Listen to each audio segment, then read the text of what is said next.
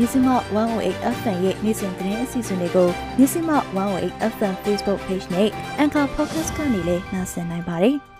။မင်္ဂလာပါရှင်။108 FM ရဲ့နိုဝင်ဘာ24ရက်ဗုဒ္ဓဘုနေ့ညသတင်းတွေကိုတင်ဆက်ပေးပါရမယ်။ဒီနေ့ညရဲ့သတင်းတွေထဲမှာရရတော်မုံရွာကားလမ်းမှာစစ်ကောင်စီတပ်ဖွဲ့၄ချိန်မိုင်းဆွဲခံရပြီးတေဆုံးသူအများအပြားရှိနေတဲ့ဆိုတဲ့သတင်း။ တပရင်မှာကိုဝင်ဆောင်မိခင်အပါအဝင်ငါးလောင်းပြိုင်လူတက်မှုဖြစ်ပွားတဲ့တဲ့။အေယာဝတီတိုင်းပသိမ်မြို့မှာနာတခတက်နေအတွင်ပောက်ကွဲမှုဖြစ်ပွားတဲ့တဲ့။မန္တလေးမှာဈေးဝယ်ထွက်တဲ့စစ်ကောင်စီတပ်ကားဘုံပြစ်တိုက်ခိုက်ခံရပြီးတော့စစ်သားတအူဒဏ်ရာပြင်းထန်ရရှိသွားတဲ့တဲ့။ဟာခမြို့ပေါ်ပြောင်းရွှေ့ဝန်ထမ်းတွေရဟတ်ရင်အခက်ခဲကြောင့်တာဝန်ကျရာနေရာတွေကိုတွားရောက်နိုင်ခြင်းမရှိတဲ့တဲ့ မုံရွာမန္တလေးကားလမ်းကိုဖျက်ပြီးတော့ခရီးမသွားကြဖို့ပြည်သူ့ကာကွယ်ရေးတပ်ကသတိပေးလိုက်တဲ့တဲ့စစ်တပ်ကအာဏာသိမ်းပြီးလူခွင့်ရေးပုံမှုပျက်စီးလာတယ်လို့ KHRG အစီရင်ခံစာမှာဖော်ပြထားတဲ့တဲ့စတဲ့သတင်းတွေကိုနားဆင်ရမှာပါပြည်ရင်းသတင်းတွေတင်ဆက်လို့အပြီးမှာတော့ဆက်သွယ်မေးမြန်းချက်စီးပွားရေးသတင်းတွေနားဆင်ခန်းစားဆောင်းပါးများအစီအစဉ်နဲ့နိုင်ငံတကာသတင်းတွေကိုတင်ဆက်ပေးမှာပါဒီအစီအစဉ်တွေကြားထဲမှာ တော်လိုင်းရေးသချင်းတွေကိုလည်းနားဆင်ခန်းစားကြရမှာပါရှင်။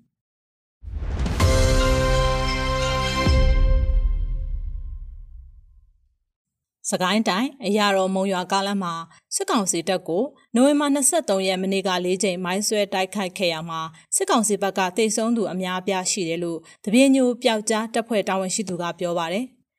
ဖြစ်စဉ်1နှစ်3ကနေရအတူတူပါပဲအချိန်မဲကွာသွားတာပါသူတို့ပထမတစ်ချိန်ဖြစ်တဲ့နေရာကိုစစ်ကူလာတာအဲ့ဒီချိန်မှာဆွဲလိုက်တာအများအပြားတည်တယ်လို့သူကဆိုပါတယ်။မုံရမျိုးကနေအရာတော်မျိုးကိုလာတဲ့စစ်ကောင်စီလိုက်ထရက်ကားနှစ်စီးနဲ့စစ်ကောင်စီတပ်သားတွေပါဝင်တဲ့အရှိကကားကိုမနေ့မနက်9နာရီခွဲအချိန်မှာ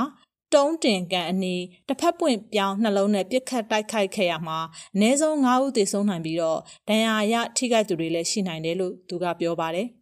အဲဒီနောက်တက်369ရက်ခေါ်တစ်ချင်းကြီးတက်အတွင်းကအရာတော်မုံရွာလမ်းဘက်ကိုထွက်လာတဲ့စိုက်ကယ်၄စီးကိုမနက်10:15မိနစ်အချိန်မှာဒုတိယမြောက်မိုင်းဆွဲတိုက်ခိုက်ခဲ့ရမှာစစ်ကောင်စီတပ်သား9ဦးသေဆုံးပြီးတော့တအူးဒဏ်ရာပြင်းထန်တယ်လို့သိရပါတယ်။အရာတော်မျိုးကထွက်လာတဲ့စစ်ကောင်စီရဲ့အင်းစီကား၃စီးပါရင်နှဲရဲ့နောက်ဆုံးကားကို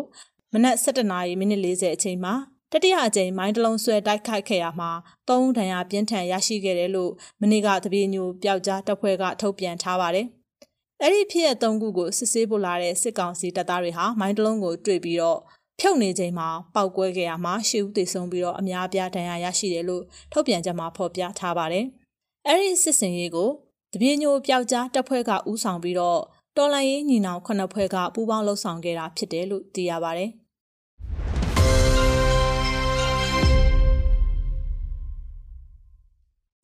တပရင်မြို့နယ်တာယာအေးကျေးရွာမှာမနေ့ကကိုဝင်ဆောင်မိခင်9ဦးအပါအဝင်9လောင်းပြိုင်လူတက်မှုကြီးတစ်ခုဖြစ်ပွားခဲ့တယ်လို့ဒေသခံတွေထံကသိရပါဗျ။မနက်အစောကြီး3နာရီလောက်ကဖြစ်တာလို့ပြောပါတယ်။မိသားစု6ယောက်ရှိတာမှာ9ယောက်အသက်ခံရပါတယ်။အဲ့ဒီထဲမှာကိုဝင်အရင်အမကြီးနဲ့တယောက်လည်းပါပါတယ်။တယောက်ကတော့တခြားနေရာရောက်နေလို့လွတ်သွားတယ်လို့ပြောကြောင်းဒီပရင်ဒေသခံတူကပြောပါတယ်။လူတက်မှုဖြစ်ပွားရတဲ့အကြောင်းရင်းကိုတော့လက်တလုံးမသိရသေးပဲအသက်ခံရသူ9ဦးဟာ တနက်ကြည်စံထံရတွေနဲ့တေဆုံးသူတွေရှိတယ်လို့လည်းသိရပါတယ်။ဖြစ်ရတဲ့ပတ်သက်ပြီးတော့တပရင်ပြည်သူ့ကာကွယ်ရေးတပ်ဖွဲ့ကဒေတာရင်းပြည်သူ့ကာကွယ်ရေးတပ်ဖွဲ့တွေနဲ့ပူးပေါင်းပြီးတော့ဖြစ်စဉ်အမှန်ကိုဖော်ထုတ်သွားမယ်လို့သတင်းထုတ်ပြန်ထားပါတယ်။စကိုင်းတိုင်းဒေသကြီးရွှေဘိုခရိုင်တပရင်မြို့နယ်မှာစစ်တပ်အာဏာသိမ်းပြီးနောက်ပိုင်းစက်တင်ဘာလ6ရက်နေ့ကညောင်လှကြီးရွာမှာအော်တိုဘာလ9ရက်နေ့ကစင်ဝစ်ကုန်းကြီးရွာမှာ အော်တိုဘာလ18ရက်နေ့ကမကြီးဆောက်ကြေးရွာမှာအော်တိုဘာ26ရက်နေ့ကစိုင်ပြင်ကြေးရွာတွေမှာနှလောင်းပြိုင်လူတက်မှုတစ်ကြိမ်စီဖြစ်ပွားခဲ့တယ်လို့လည်းသိရပါဗျ။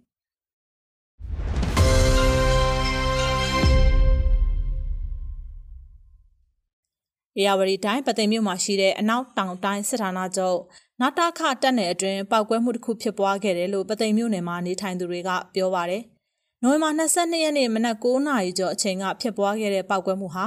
နာတာခတက်နယ်အတွင်းမှာရှိတဲ့စစ်မြေပြင်အင်ဂျင်နီယာတပ်တွင်းဘက်ကဖြစ်တယ်လို့စစ်တပ်အတိုင်းဝိုင်းနဲ့နှိစက်သူတချို့ကပြောပါတယ်။ပောက်ကွဲတံအကျယ်ကြီးပဲအိမ်အောင်တုံသွားပါတယ်ဗဟိုကင်းလက်နက်တိုက်ပောက်ကွဲတာလို့ပြောတယ်။တက်သေးဝင်ဝင်မရတော့အသေးအချာတော့မသိဘူးလို့တက်နယ်အတွင်းနေထိုင်တဲ့ဒေသခံတအူးကပြောပါတယ် ပသိမ်မျိုးရင်းကနေ၄မိုင်လောက်အကွာဝေးမှာရှိနေတဲ့အနောက်တောင်တိုင်းစစ်ဌာနချုပ်နာတာခတက်နယ်အတွင်းမှာရှိတဲ့အမှတ်900ခွန်စစ်မြေပြင်အင်ဂျင်နီယာတက်အတွင်းကပောက်ကွဲတံဖြစ်တယ်လို့အဲ့ဒီတက်တည်ရှိတဲ့တရကုန်းကျေးရွာကစစ်တပ်မိသားစုအတိုင်းဝိုင်းနဲ့နှိစက်သူတွေကအတီးပြုတ်ပြောကြပါတယ်။အမှတ်900ခွန်စစ်မြေပြင်တက်ရင်မိသားစုအတိုင်းဝိုင်းကတော့တက်အတွင်းမှာရှိတဲ့စက်ပစ္စည်းတစ်ခုရုတ်တရက်ပောက်ကွဲတာဖြစ်တယ်လို့ပြောဆိုပါတယ်။ ပောက်ကွဲတံကြားရပြီးနောက်ခဏအကြာမှာပသိမ်မျိုးတွင် AR တိုင်းမိသက်တပ်ဖွဲ့ကမိသက်ကားတွေနဲ့အနောက်တောင်တိုင်းစစ်ဌာနချုပ်ကိုဥတီမောင်းနှင်သွားတယ်လို့မြို့တွင်းနေထိုင်သူတွေကပြောပါတယ်။တက်ထဲမှာမီးလောင်နေဆိုလို့သွားကြရတာပါတက်နယ်တဲကိုရောက်တော့ဖြစ်တဲ့နေရာအထိမရောက်ဘူး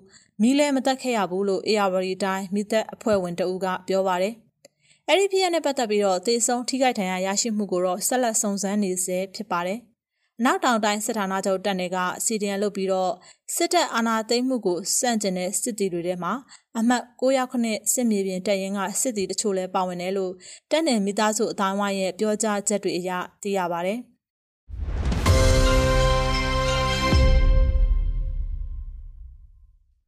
မန္တလေးမြို့ကမ်းနားလမ်းပေါ်မှာရှိတဲ့42လမ်းကုံစိမ်းတန်းညာစီအနီးဒီနေ့မနက်အစောပိုင်းက ဈေးဝယ်လာတဲ့စစ်ကားဘုံပစ်တိုက်ခိုက်ခံရပြီးတော့စစ်သားတို့ဒဏ်ရာပြင်းထန်စွာရရှိသွားတယ်လို့မျက်မြင်တွေ့ရှိသူတွေကပြောပါတယ်။ဈေးဝယ်လာတဲ့စစ်ကားကိုဘုံနဲ့ပစ်သွားတာအုံကနေပါပဲမနက်9:10မိနစ်လောက်ကပါစစ်သားတယောက်လဲကျသွားတာတော့တွေ့ရပါတယ်။နောက်ထပ်စစ်သားတွေကဈေးထဲကိုရမ်းတမ်းပစ်ကြလို့ဈေးသည်တွေထွက်ပြေးကြရတယ်လို့မျက်မြင်တူကပြောပါတယ်။ဘုံပစ်တိုက်ခိုက်ခံရပြီးနောက်စစ်ကောင်စီလက်နက်ကိုင်တွေကဈေးတွင်ရန်တမ်းပစ်ခတ်ခဲ့တာကြောင့်ဈေးဝယ်လာတဲ့အမျိုးသမီး2ဦးကြီးထိမှန်ဒဏ်ရာရရှိခဲ့တယ်လို့လည်းသိရပါတယ်။ လက်ရှိမှာကန်နာလန်တလျှောက်ပေပင်ကျောင်းတိုက်ရှိကနေ38လမ်းအထိစစ်ကောင်စီလက်နက်ကင်တွေပိတ်ဆို့ထားပြီးတော့တန်လျက်မော်အနောက်ရက်ကွက်တစ်ခုလုံးကိုဝင်ရောက်စီးနင်းရှာဖွေမှုတွေလုပ်နေတယ်လို့သိရပါဗျ။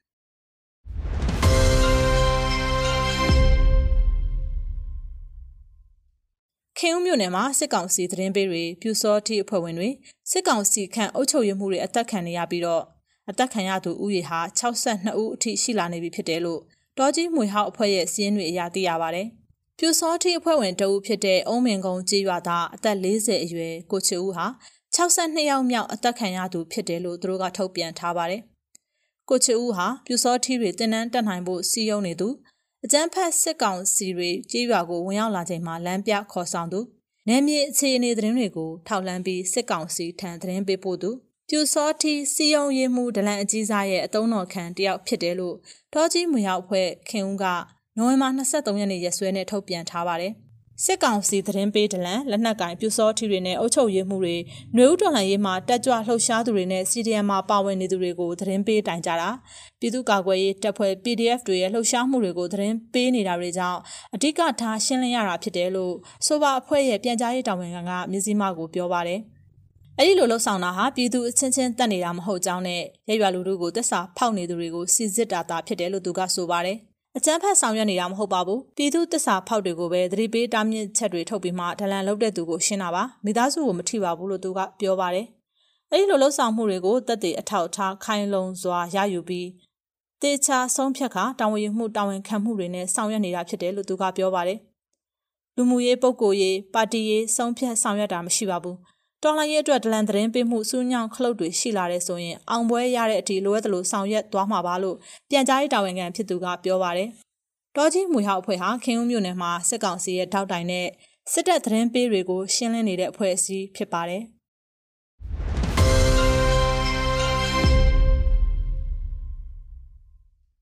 ချင်းပြည်နယ်ဟာခါမြို့မှာတာဝန်ကျနေတဲ့ဝန်ထမ်းတွေအနက်အပြောင်းအရွှေ့ရာထူးတို့တပ်ပြစ်ပင်စင်ခံစားပြီးနေရပြန်မဲ့ဝန်ထမ်းအများစုဟာ ရဟတ်ရင်အခက်ခဲကြောင့်ဟာခမှာတောင်းတင်နေကြတယ်လို့ပြည်내ရုံးနဲ့နှီးစပ်တဲ့အတိုင်းဝိုင်းထံကသိရပါဗျ။ဒါအပြင်ချင်းပြည်နယ်မှာတာဝန်ကျနေတဲ့နန်းစီဒီယန်တွေယာရူတိုးအပြောင်းရွှေ့တွေကိုလည်းစစ်ကောင်စီကရဟတ်ရင်နဲ့သာလှုပ်ဆောင်ပေးနေရပြီးတော့ကားလန်းကသွာလာတာကိုခွင့်မပြုတော့ဘူးလို့သိရပါတယ်။ဟာခါမှာဝန်ထမ်းတွေတော်တော်များများပိတ်မိနေကြပါတယ်။လက်ရှိလုပ်ငန်းခွင်တွေကနန်းစီဒီယန်တွေကိုလည်းအပြောင်းအရွှေ့သွားလာတဲ့အခါမှာကားလန်းကနေသွားခွင့်မပြုတော့ပါဘူး။အရေးကြီးတဲ့စာရွက်စာတမ်းတွေကိုလည်းယူသွားခွင့်မပေးတော့ဘူး။ စစ်ကောင်စီကရဟတ်ရင်ကိုစီစဉ်ပေးထားတယ်။ဒါပေမဲ့ရဟတ်ရင်နဲ့လိုက်ပါမဲ့သူကမမျှဘူးဖြစ်နေတယ်။ရဟတ်ရင်ကလည်းတလောက်မှတစ်ခါဘန်ကိုငွေလာပို့မှပဲဆင်းတော့တယ်လို့ပြည်내ရုံးနဲ့နှီးဆက်သူတို့ကဆိုပါတယ်။လက်ရှိမှာချင်းပြည်နယ်မှာတာဝန်ထမ်းဆောင်ပြီးတော့တပ်ပစ်ပင်စင်ခန်းစားပြီးနေရပြန်သူများစွာရှိနေတဲ့အပြင်စီးပွားရေးလုပ်ငန်းရှင်တွေဟာလည်းအဆိုပါရဟတ်ရင်နဲ့လိုက်ပါနိုင်ဖို့အတွက်လက်ထိုးမှုတွေရှိနေတယ်လို့သတင်းအရင်းမြစ်တဦးထံကနေသိရပါဗျ။ချင်းပြည်နယ်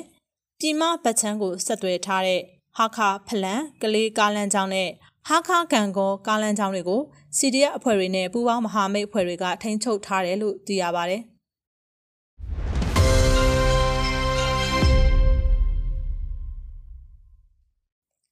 မုံရွာမန္တလေးကားလမ်းကိုအသုံးပြုနေတဲ့ခီးသွွားပြည်သူတွေဆက်လက်ခီးမသွားကြဖို့နိုဝင်ဘာ24ရက်နေ့ဒီနေ့နေ့လယ်မှာဒေသခံပြည်သူ့ကာကွယ်ရေးတပ်ဖြစ်တဲ့ Golden Ranger မြင်းမူကသတင်းထုတ်ပြန်ထားပါတယ်။ အခုချိန်ကစပြီးတော့မုံရွာမန္တလေးကားလမ်းပေါ်ခီးသွားနေတဲ့ပြည်သူတွေရဲ့ကားတွေဟာရောင်းရအရက်မှာရပ်တန့်ထားကြဖို့အထူးသတိပေးလိုက်ပါတယ်။လိုင်းနာခြင်းမရှိဘူးဆိုရင်ဖြစ်ပေါ်လာတဲ့အခြေအနေတွေကိုတာဝန်မယူဘူးလို့ထုတ်ပြန်ချက်မှာပါဝင်ပါတယ်။လက်ရှိမှာပြည်သူ့ကာကွယ်ရေးတပ်တွေနဲ့စစ်ကောင်စီတပ်တွေအကြားထိတွေ့တိုက်ပွဲဖြစ်ပွားနေတာကြောင့်အခုလိုသတိပေးတားမြစ်လိုက်တာဖြစ်တယ်လို့သိရပါတယ်။ဒီနေ့စစ်ကောင်စီရင်နှန်းတွေဖြတ်နေလို့ကာကွယ်ရေးအဖွဲ့တွေနဲ့ထိတွေ့မှုတွေဖြစ်နေလို့ပါ ပြည်သူတွေအနေရဖြစ်မှာဆိုလို့အဓိကကစစ်ခွေးတွေက RPG တွေပါလာလို့ပါလို့ GTR မြင်းမှုအဖွဲ့ကပြောပါတယ်။နိုဝင်ဘာ23ရက်နေ့ည10:00နာရီအချိန်ကစကိုင်းဘက်ကနေဆင်းလာတဲ့စစ်ကောင်စီတပ်သားတွေပါတဲ့အရက်သားကားကိုဒေသခံပျောက်ကြားဖွဲ့ကမိုင်းသုံးလုံးနဲ့တိုက်ခိုက်ခဲ့ပါတယ်။အဲ့ဒီဖြစ်ရမှာမိုင်းရှင်းမို့လာတဲ့စစ်ကောင်စီကားနှစ်စီးကိုမုံရွာမန္တလေးကားလမ်းမပေါ်မှာမနေ့မနက်၈နာရီအချိန်ကဒေသခံကာကွယ်ရေးပူးပေါင်းတပ်ကထပ်မံမိုင်းခွဲခဲ့ပါသေးတယ်။ အဲ့ဒီဖောက်ခွဲမှုကြောင့်ကားတစ်စီးထိခိုက်ပျက်စီးခဲ့ပြီးတော့စစ်သား9ဦးသေဆုံးကအနည်းဆုံး3ဦးပြင်းထန်ထဏ်ရာရရှိခဲ့တယ်လို့မြင်းမှုမျိုးနယ်ပြည်သူ့ကာကွယ်ရေးတပ်ဖွဲ့ကထုတ်ပြန်ထားပါတယ်။အဲ့ဒီဖောက်ခွဲတိုက်ခိုက်မှုတွေကြောင့်နှစ်ဖက်စီအခြေအနေတွေတင်းမာလာနိုင်တယ်လို့လည်း GTR မြင်းမှုထံကနေသိရပါတယ်။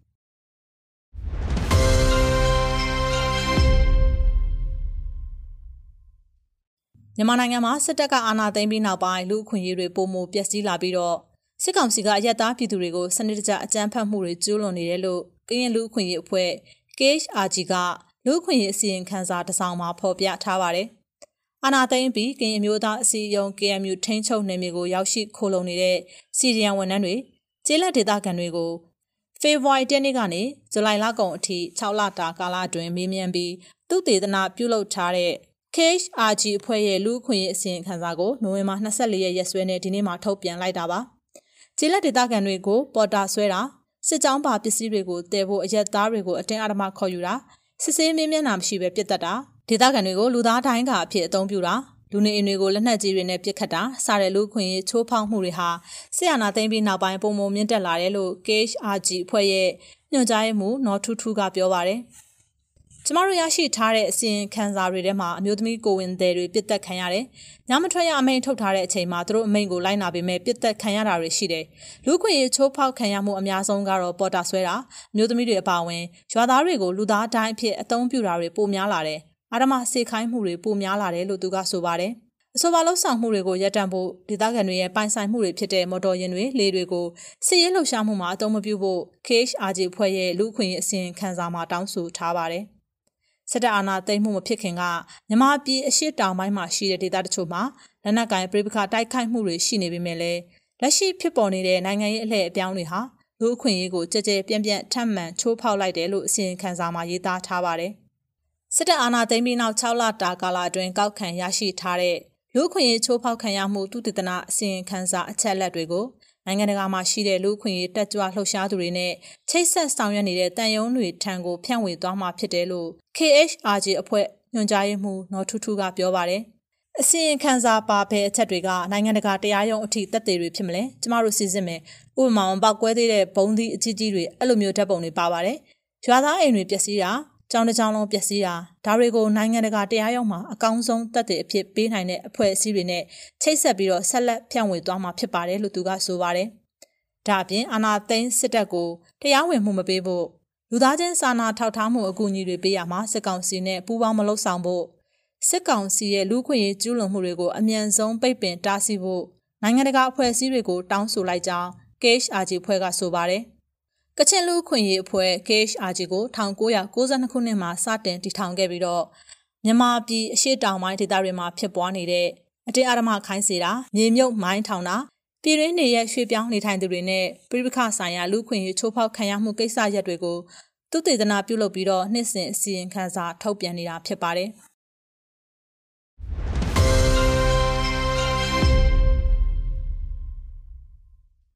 စစ်ကောင်စီဟာအာဏာသိမ်းပြီးနောက်ပိုင်းမှာပြည်တွင်းသတင်းမီဒီယာတိုက်တွေကိုပိတ်သိမ်းတာသတင်းမီဒီယာသမားတွေကိုဖမ်းဆီးထောင်ချတာတွေလုပ်နေပေမဲ့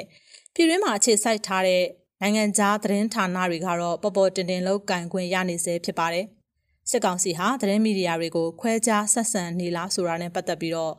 ဖမ်းဆီးခံခဲ့ရပြီးပြန်လည်လွတ်မြောက်လာခဲ့တဲ့ကမာရွတ်သတင်းဌာနတည်ထောင်သူဦးနေတန်မောင်ကိုဆက်သွယ်မေးမြန်းထားပါတယ်။နားဆင်ပါရှင်။ စစ်ကောင်စီအနေနဲ့ကပေါ့နော်ဒီပြီးခဲ့တဲ့ရက်ပိုင်းကဒီ American နိုင်ငံသားဖြစ်တဲ့ Danny Fenster ကိုလွှတ်ပေးလိုက်တာမျိုးရှိရပေါ့နော်အရင်ကလည်းဆရာတို့နဲ့ဒီပေါ့နော်ဦးဟန်တာငိမ့်နဲ့ဒီ Miss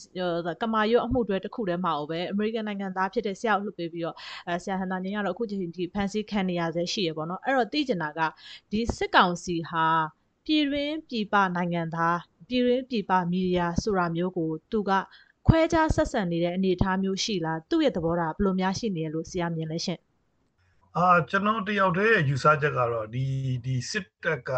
ဟိုနိုင်ငံသားရဲ့မြန်မာရဲ့နိုင်ငံသားရဲ့ဆိုပြီးတော့ခွဲခြားတာတော့မရှိဘူးနှိစက်ဖန်စီတပ်ဖြတ်ဒုက္ခပေးတဲ့နေရာမှာတော့တန်းတူပဲဒါပေမဲ့ဟိုကျွန်တော်နဲ့သူဒီဟိုနောက်ထပ် American သတင်းတောက်ဖြစ်တဲ့ Danny Fenster အပေါ်မှာဆက်ဆံတာတော့မှမတူဘူးလေ မတူဘူးဆိုတာဘာလို့အခြေခံကိုကြည့်လဲဆိုတော့ကျွန်တော်ကြတော့ဆော့ဆော့လွတ်ခဲ့ပြီးတော့ Danny Fenster က9လလောက်ကြာတယ်ဆိုတဲ့အနေအထားကိုပြန်ကြည့်ရင်တော့မှသူ့အတွက်နိုင်ငံရေးရအကျိုးမြတ်ရှိနိုင်မလားဆိုတာပေါ့မူတီဗီသူကနိုင်ငံတကာနဲ့အပေးလို့တာအဲ့တော့ဒီဖန်စီခံရင်တူတူမမနိုင်ငံသားနှစ်ဦးတော့မှသူကမတူအောင်ထပ်ပြီးခွဲခြားဆက်ဆံတာပေါ့လေဆိုတော့ကျွန်တော်ကိုလွတ်ပေးတဲ့အချိန်တုန်းကဒီအာဆီယံအထူးကိုယ်စားလှယ်မခန့်ရသေးဘူးအဲ့ဒီတော့သူ့အနေနဲ့ သူခန့်စီခြင်းနဲ့ထိုင်းနိုင်ငံကနိုင်ငံရေးဝန်ကြီးဖြစ်လာမယ်လို့ထင်တဲ့မျှော်လင့်ချက်နဲ့သူကအာဆီယံ delegation လာတဲ့အချိန်မှာကျွန်တော်ကိုလှုပ်ဖို့ပြောတဲ့အတွက်သူတို့လိုက်ရောမှုအနေနဲ့လှုပ်ပေးလိုက်တာပေါ့လေဒါကကျွန်တော်ကကံကောင်းစွာနဲ့စောစောစီးလွတ်လာတဲ့အခြေအနေဒါပေမဲ့အာဆီယံထူးကိုယ်စားလှယ်ခန့်အပ်တဲ့ကိစ္စကသူတို့ထင်တယ်လို့ဖြစ်မလာဘူးအာဆီယံအစည်းအဝေးတွေမှာသူတို့ထင်တယ်လို့ဖြစ်မလာတဲ့အခါမှာသူက Danny Fenster အပြင်ကျန်တဲ့သတင်းတောက်တွေဖန်တီထိန်းနေတဲ့သူအများကြီးကို ဒါစားကံလိုပဲဆက်ပြီးတော့ထိန်းသိမ်းထားတယ်အခုနောက်ဆုံး Danny Fenster ကိုလွတ်ဖို့လုပ်ရတဲ့အကြောင်းရင်းကလည်းကျွန်တော်နားလည်တဲ့လောက်ကလာမဲ့တင်းလာနေကြလို့ရှိရင်အာဆီယံတရုတ်ထိပ်သီးဆွေးနွေးပွဲရှိတယ်အဲ့ဒီအတွက်နိုင်ငံတကာဖိအားတွေမျိုးစုံဝင်နေပြီးတော့ဒီစီစီဝေးပွဲကိုစစ်တက်ကခေါင်းဆောင်ကတက်ရောက်လို့ရရေးမရရေးပုံမူတည်ပြီးသူကနိုင်ငံတကာနဲ့အပေးအယူလုပ်တဲ့ပုံစံမျိုးနဲ့တစားကံလွတ်မြောက်ယူလုပ်တာပေါ့လေအဲ့ဒီအတွက်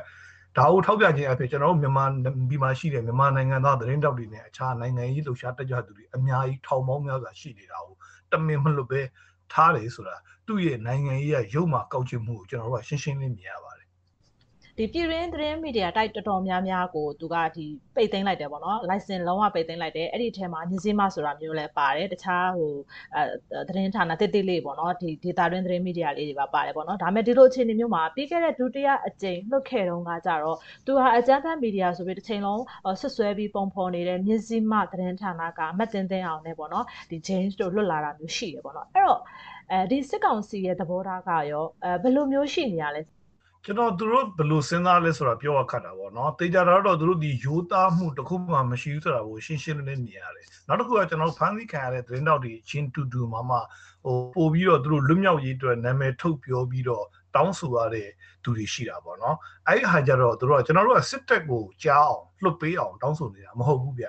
ကျွန်တော်တို့ပြောဆိုနေတာနိုင်ငံတကာအစိုးရအဖွဲ့တွေ ကုလသမဂ္ဂအပါအဝင်ဒေတာရင်းဆိုင်ရာအဖွဲ့အစည်းအသီးသီးတွေကဒီဖန်ဆီးခံတဲ့လူတယောက်ချင်းစီရဲ့နာမည်တွေကိုထုတ်သုံးပြီးတော့စစ်ကောင်စီကိုတိုက်ရိုက်စစ်တပ်ကိုတိုက်ရိုက်ဖိအားပေးတဲ့နေရာမှာသုံးဆွဲဖို့တော့ဥမာကိုစားပြုတဲ့နာမည်ပေါ့နော်ဘသူဘသူနဲ့အတူသတင်းတောင်များဆိုတာမျိုးကိုကိုစားပြုပြီးပြောတဲ့အခါမှာသူတို့အနေနဲ့ကဘသူ့ကိုလှုပ်ပေးလိုက်ရင်နိုင်ငံရေးကအကျိုးမြတ်ရှိမယ်သူတို့ပိုတတ်တာမယ်အဲ့ဒီပေါ်မူတည်ပြီးတော့ပဲစဉ်းစားတဲ့အတွက်ကျွန်တော်တို့က ဒီတနိုင်ငံလုံးမှာလုပ်တဲ့မြန်မာသတင်းတောက်ပဲဖြစ်ဖြစ်ဒေတာရင်းသတင်းတောက်ပဲဖြစ်ဖြစ်သူတို့ကအဲ့ဒါမျိုးကိုကြည့်သူတို့အတွက်ဘသူ့ကိုလွတ်ပေးလိုက်ရင်အကျိုးမြတ်ရှိမလဲဆိုတာကိုပဲအဓိကကြည့်တာဟုတ်အဲ့ဒီအတွက်သူဒီမတရားခွဲခြားဆက်ဆံမှုဆိုတာတော့တောက်လျှောက်သူကအာဏာသိမ်းနေတဲ့ဒီနေ့ချိန်ကြီးလုပ်နေတာပေါ့ အာပြည်တွင်းသတင်းမီဒီယာတိုက်တွေမှာအဲစစ်ကောင်စီရဲ့ပြန်ကြားရေးပေါ့နော်ဇော်မင်းထွန်းကအင်တာဗျူးဖြစ်ကြားပေးတာမရှိဘူးအကြမ်းဖက်သတင်းမီဒီယာလို့ပုံဖော်တာရှိနေပြီမဲ့လည်း BBC VOA ပေါ့နော် RFA စသဖြင့်သတင်းမီဒီယာအပြည်ပသတင်းမီဒီယာတွေကိုတော့သူကအကြမ်းဖက်ဒီသတင်းမီဒီယာပဲပုံဖော်တာမျိုးလည်းမရှိဘူးလိုင်စင်ရုပ်သိမ်းတာမျိုးလည်းမရှိဘူးဒီအပြင်ကိုသူတို့ဒီကအင်တာဗျူးပေးတာမျိုးတွေစသဖြင့်ပေါ့နော်အဲ့လိုမျိုးတွေရှိနေတယ်ဒါကရောဒီပြည်တွင်းမီဒီယာနဲ့ပြည်ပမီဒီယာတွေပေါ်မှာသူတို့ကဘယ်လိုပုံစံမျိုးကစားနေတာလဲရှင် သူကခွဲကြတယ်လို့တော့ကျွန်တော်တို့ဒီတစ်ဖက်ကမြင်တာပေါ့နော်အမှန်သူကခွဲကြတာမဟုတ်ဘူးသူကအကျိုးစီးပွားရှာနေတာဆိုတော့ပြည်ပမှာအခြေစိုက်တဲ့မြန်မာသတင်းဌာနတွေကိုသူကအင်တာဗျူးပေးရတယ်ဆိုတာဒီသတင်းဌာနတွေကသူ့လက်ခုပ်တွေကရေးမဟုတ်ဘူးသူဖမ်းနေနိုင်ဖမ်းလို့မရနိုင်ဘူးတကယ်လို့ဖမ်းလိုက်ခဲ့ရင်လည်းအဲ့နောက်ကမှာရှိတဲ့ American အစိုးရတို့ British အစိုးရတို့ရဲ့ဓာတ်ရိုက်ဖိအားပေးမှုကကြီးတဲ့အတွက်ပွင့်လင်းပြောရင် तू ကဟိုမထိရဲမတုရဲတဲ့သတင်းမီဒီယာဖြစ်တယ်။ တစ်ချိန်တည်းမှာပဲအဲ့မထိရဲမတုရဲတဲ့သတင်းမီဒီယာတွေကိုအင်တာဗျူးပေးခြင်းဟာနောက်ထပ်သူ့အနေနဲ့ဝါဒဖြန့်ချီရေးလက်နက်ကောင်ဖြစ်မယ်လို့ယူဆလို့သူကအင်တာဗျူးပေးတာပေါ့လေ။တစ်ချိန်တည်းမှာပြည်တွင်းမှာရှိတဲ့လွတ်လပ်တဲ့သတင်းဌာနတွေအင်တာဗျူးမပေးဘူးဆိုတာကဒီပြည်တွင်းသတင်းမီဒီယာတွေကသူတို့ဘက်မှာလုံးဝမရက်ဘူးဆိုတာကိုသိကြတာဟုတ်။သိကြပေါက်သိတဲ့အတွက်သူတို့မဖြေနိုင်တဲ့မေးခွန်းသူတို့ဝါဒဖြန့်လို့မရနိုင်ဘူးဆိုတာသိတဲ့အတွက်သူကအင်တာဗျူးမပေးတာနောက်တစ်ချက်ကလည်းဒီလူတွေကအချိန်မီသူတို့လက်ခုပ်တွေကရေးလို့ တတ်မှတ်ထားတဲ့အတွက်ရုပ်ရုပ်မမာစဉ်းစားတာပေါ့လေအဲ့လိုမျိုးစဉ်းစားတဲ့အတွက်အဲ့ဒီအခြေခံနေပြောမယ်ဆိုရင်သူကခွဲခြားသလားဆိုရင်တော့တေချာပေါက်ခွဲခြားတာပေါ့ဗျာဘယ်အပေါ်မှာခွဲခြားလဲဆိုတော့သူ့အတွက်ဘလောက်အကျိုးစီးပွားရှိမလဲဆိုတဲ့အပေါ်မူတည်ပြီးခွဲခြားတာပေါ့ သတင်းသမားတွေကိုဖမ်းဆီးထားရဆက်လက်ရှိနေတော့မှာပေါ့နော်ရှိနေတော့မယ်ဆိုတော့ဆရာစောစောပြောပြောသလိုမျိုးဒီစစ်ကောင်စီဟာသူ့ရဲ့အကျိုးစီးပွားကိုမျှော်ကိုးပြီးတော့ဒီသတင်းမီဒီယာတွေကိုဒီနိုင်ငံတကာပေးယူနဲ့အဲဒီလွတ်ပေးတာတွေဘာတွေရောဘလို့အခြေအနေများရှိလာနိုင်တယ်လို့ဆရာအနေနဲ့သုံးသပ်မလဲအဲ့အခြေအနေလေးလည်းပြောပြပေးပါဦးဆရာဟုတ်ကဲ့အစရေကငကိုတွေကဟိုဘလို့မှမဖမ်းဆီးတဲ့ကိစ္စပေါ့နော်ဘလို့မှဖမ်းဆီးမခံရတဲ့သူတွေကိုမတရားဖမ်းဆီးထားတာပေါ့ အခုလက်ရှိကျွန်တော်တို့ဖန်ဆီးခံထားတဲ့လူ9000ကျော်8000ကျော်ဆိုတာအဲ့ဒီထဲမှာသတင်းသမားတွေပါတာပေါ့လေ30ကျော်ရှိနေသေးတယ်နောက်သတင်းသမားတွေကိုပဲကျွန်တော်ဦးစားပေးပြောရတဲ့ဆိုင်တော့သတင်းသမားနဲ့အတူတူကျန်တဲ့ဒီနိုင်ငံအတွက်ကောင်းရကောင်းကျိုးလုပ်နေတဲ့လူတွေအများကြီးထောင်ပေါင်းများစွာဖန်ခံထားရတယ်ဒီလူတွေအားလုံးလွတ်မြောက်ရေးကိုကျွန်တော်မျှော်နေတာပေါ့ဘယ်အချိန်မှလွတ်မြောက်လာမလဲဆိုရင်မိကွန်းကတော့ကျွန်တော်တို့ကဘယ်လိုအတွက်လဲဆိုတော့ ဟိုလူစိုးလူမိုက်ကတစားကန်ဖမ်းထားတယ်ဆိုရင်အဲ့ဒီတစားကန်ကို तू ကဘယ်အချိန်မှလွတ်ပေးမလဲဆိုတဲ့မိကုံးပေါ့စဉ်းစားတင်တာပေါ့လေအဲ तू ဘယ်အချိန်မှလွတ်ပေးမလဲဆိုတော့ तू ကပြည်ရင်းပြပဖီအားအင်မတန်ပြင်းထန်လာတဲ့အခါမျိုးမှာသူ့အပေါ်ရောက်လာတဲ့ဖီအားတွေတတ်တာလို့တတ်တာရညာအခြေအနေမျိုးမှာ तू လွတ်ပေးလိရှိပါတယ်အဲကြောင့်ပြီးခဲ့တဲ့လွတ်ပေးခဲ့တဲ့အခြေအနေတွေအားလုံးပြန်ကြည့်ရင်လည်းဒီတိုင်းပါပဲပြီးတော့ဗဇက်ကသာ9000ကျော်6000ကျော်လွတ်တယ်တာပြောတယ်တကယ်လွတ်လာတဲ့လူတွေက1000ကျော်1000ပဲရှိတာ ဆိုတော့နံပါတ်စီးရင်နေရဆိုကိန်းကနန်းနေရဆိုသူကလိန်နေတာသူဒီလူဥယျအရေးအတွက်အားလုံးသူကတကယ်လွတ်ခဲ့တာမဟုတ်ဘူးဒါကျွန်တော်တို့လေ့လာပြီးတော့တေချာမင်းမြန်စုံစမ်းပြီးသိထားတဲ့အချက်လက်တွေပေါ့လေအဲ့တော့ထောင်ထဲမှာရှိနေသေးတဲ့သတင်းသမားတွေနဲ့အတူအခြားနိုင်ငံရေးလှုပ်ရှားခဲ့လှုပ်ရှားတက်ကြွတဲ့လူတွေနိုင်ငံရေးသမားတွေပေါ့ဗျာဆိုတော့သူတို့အားလုံးဘယ်တော့လွတ်လာမလဲဆိုတဲ့မိကုံကတော့ကျွန်တော်မှနှစ်ခုပဲရှိတယ်သူဒီနိုင်ငံတကာကို ဒီစစ်ဆက်ဆွေးနွေးရေးနဲ့ပတ်သက်ပြီးတော့သူရှုံးသွားပါပြီဒီစစ်ပွဲမှာသူရှုံးသွားပါပြီသူစစ်ဆက်ဆွေးနွေးပြရစီဆိုတဲ့အခြေအနေမျိုးရောက်လာခံနေရင်သူလွတ်ပေးလိမ့်မယ်အထူးသဖြင့်တော့အာဆီယံအထူးကိုယ်စားလှယ်နဲ့ကုလသမဂ္ဂအထူးကိုယ်စားလှယ်မြန်မာနိုင်ငံလာရောက်ရေးကိုသူလက်ခံလိုက်ရပြီဆိုရင်တော့ကျွန်တော်တို့မတရားဖန်ဆီးခံထားတဲ့သူတွေလွတ်မြောက်လာဖို့လည်းမြင်ရတယ်လို့ပြောရမှာပေါ့ခင်ဗျာတော်လိုင်းရဲ့တခြင်းတစ်ပုတ်ကိုနားဆင်ပါအောင်ရှင်ဒီတခြင်းပြီးသွားရင်တော့စီးပွားရေးသတင်းတွေကိုမမေယူကတင်ဆက်ပေးမှာပါ ဆက်လက်နားဆင်ခံစားပါရှင်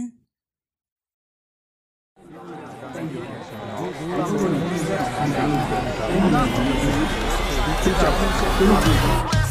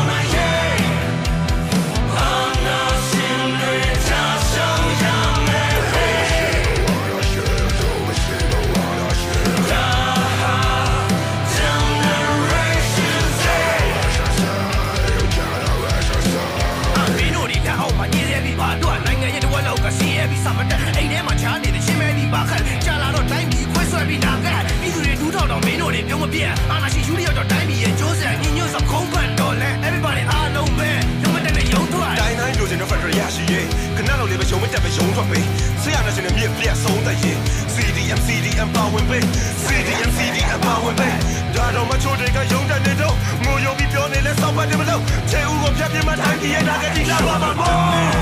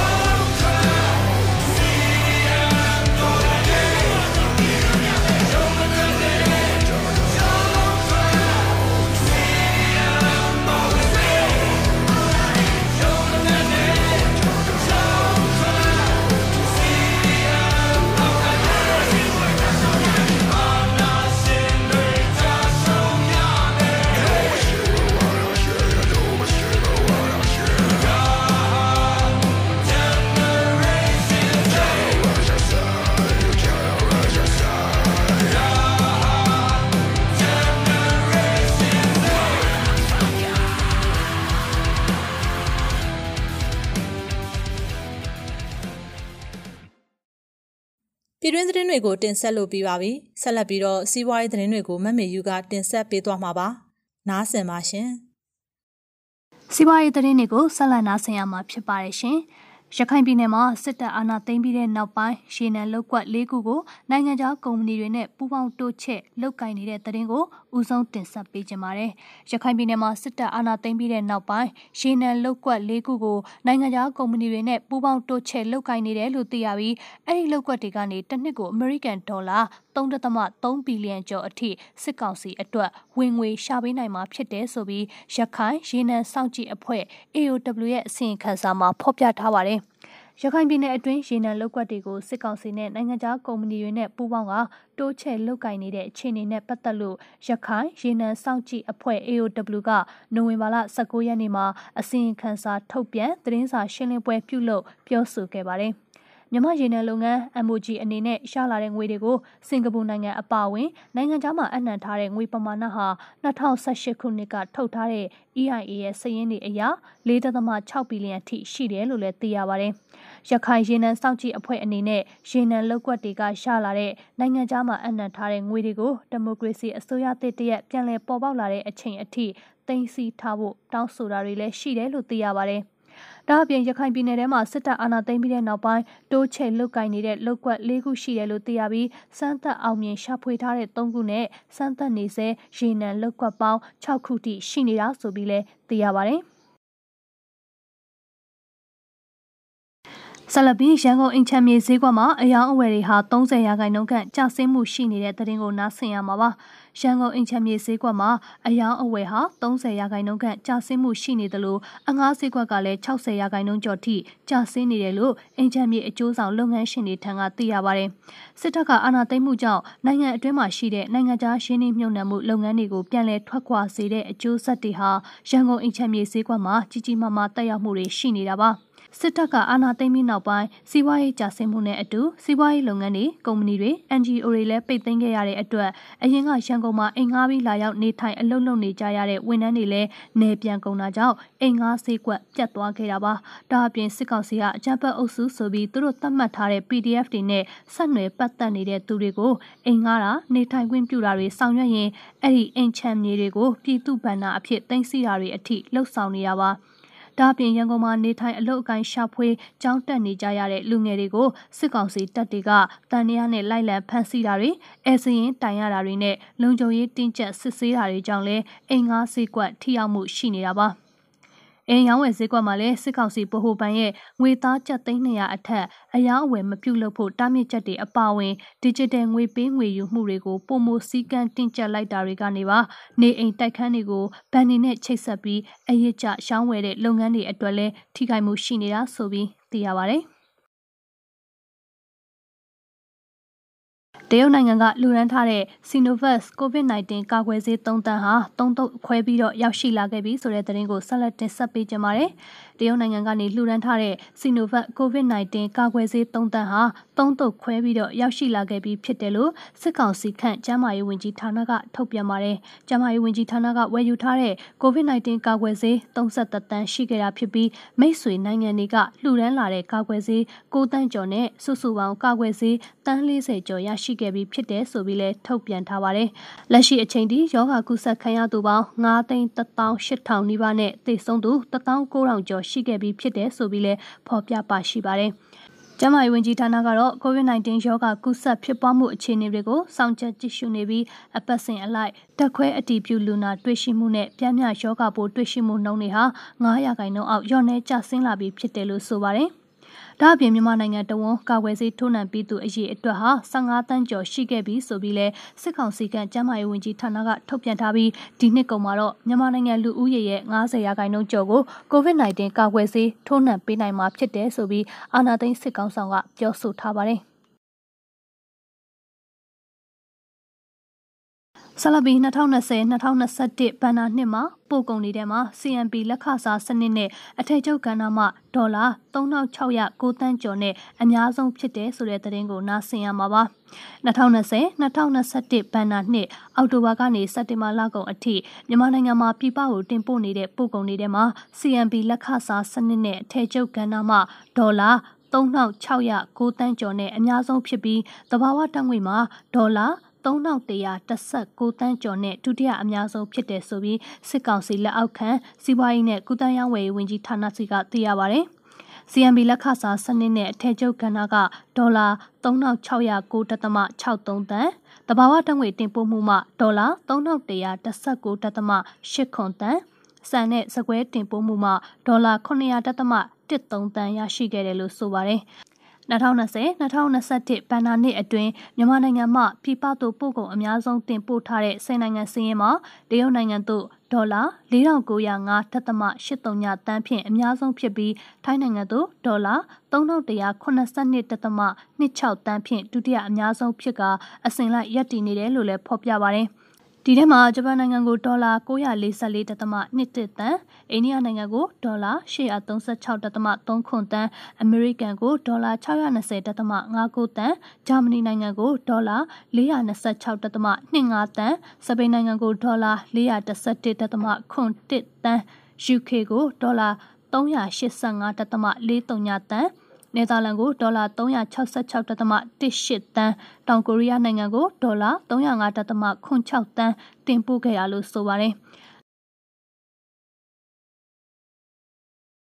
အခုနောက်ဆုံးအနေနဲ့နိုဝင်ဘာလ22ရက်နေ့ကစတင်ရောင်းချခဲ့တဲ့ NUG အစိုးရရဲ့ငွေတိုက်စာချုပ်ဟာရောင်းချချိန်3နာရီခွဲအတွင်းဒေါ်လာ3တန်းပိုးရောင်းချခဲ့ရတဲ့သတင်းကိုတင်ဆက်ပေးမှာပါ။ NUG အစိုးရစီမံရေးနဲ့ဗန်နာရေးဝန်ကြီးဌာနကအကြမ်းဖက်စစ်တပ်အမြင့်ဖြတ်ဖို့ငွေတိုက်စာချုပ်ဝယ်ကြဆိုဆိုတဲ့ကောင်းစဉ်နဲ့နိုဝင်ဘာလ22ရက်နေ့ကစတင်ရောင်းချခဲ့တဲ့ American Dollar 100 900 1000နဲ့9000နံငွေတိုက်စာချုပ်တွေကိုနိုင်ငံတကာရောက်မြန်မာများအလူရက်ဝယ်ယူနေကြရမှာရောင်းချချိန်3နာရီခွဲအတွင်းဒေါ်လာ3တန်းဖို့ရောင်းချခဲ့ရကြောင်း NUG အစိုးရရဲ့အပြည်ပြည်ဆိုင်ရာပူးပေါင်းဆောင်ရွက်ရေးဝန်ကြီးဒေါက်တာဆဆာကသူ့ရဲ့ Facebook စာမျက်နှာမှာဖော်ပြထားပါတယ်။ဝယ်ယူသူတွေအနေနဲ့ဒေါ်လာ1000နဲ့9000နံတွေအတွက်စင်ကာပူနဲ့ဒေါ်လာ100နဲ့900တန်တွေအတွက်ချက်သမရနိုင်ငံမှာရှိတဲ့ဘဏ်တွေကိုကြားတင်ငွေတွေလွှဲပြောင်းပေးပို့ရတယ်လို့သိရပါတယ်။ ငွေထိုက်စာချုပ်တွေကို American ဒေါ်လာ100 900 1000 5000နဲ့အမျိုးအစား၄မျိုးနဲ့အတိုးမဲ့ထုတ်ဝေရောင်းချသွားမယ်လို့ကြေညာထားပြီးတဦးချင်းတယောက်ချင်းစိတ်ကြိုက်ဝယ်ယူနိုင်တဲ့အပြင်အစုအဖွဲ့လိုက်လဲစုပေါင်းဆက်ပေါင်းဝယ်ယူနိုင်မယ်လို့သိရပါတယ်။စာချုပ်တက်တန်းကိုတော့နှစ်နှစ်အတွင်းသတ်မှတ်ထားကတက်တန်းစိတ်ရောက်တဲ့အချိန်မတိုင်ခင်မှာတဆင့်ပြန်လဲလွှဲပြောင်းရောင်းချဝယ်ယူခွင့်ပြုမှာမဟုတ်ပဲတက်တန်းစိပြီးနောက်မှသာသတ်မှတ်စီမင်းစည်းကမ်းတွေနဲ့အညီဆောင်ရွက်ပိုင်ခွင့်ရှိမှာဆိုပြီးလဲသိရပါတယ်။ အခုလိုအထူးငွေတိုက်စာချုပ်တွေကိုတော်လှန်ရေးအစိုးရတရက်ကအတိုးမဲ့ထုတ်ဝေရောင်းချခြင်းဟာကမ္ဘာသမိုင်းမှာတော့ပထမဆုံးအကြိမ်ဖြစ်ပါတယ်။ Federal Democracy စနစ်ကိုလိုလားတဲ့မြန်မာပြည်သူတွေကစစ်အာဏာရှင်ကိုအဆုံးစွန်ဆန့်ကျင်အခန့်တော်လှန်ခဲ့တဲ့သမိုင်းမော်ကွန်းအဖြစ်ခမ်းနားစွာထင်ရှားကြံ့ရစ်ခဲ့မှာဖြစ်တယ်လို့လည်းဆိုပါတယ်။ခုဆက်ပြီးတော့တော်လှန်ရေးချင်းတစ်ပုတ်ကိုနားဆင်ပါဒီသချင်းပြီးသွားရင်တော့နားဆင်ခန်းစားစောင်းပါများအစီအစဉ်ကိုတင်ဆက်ပေးသွားဖို့ရှိပါတယ်ဆက်လက်နားဆင်ပါရှင်။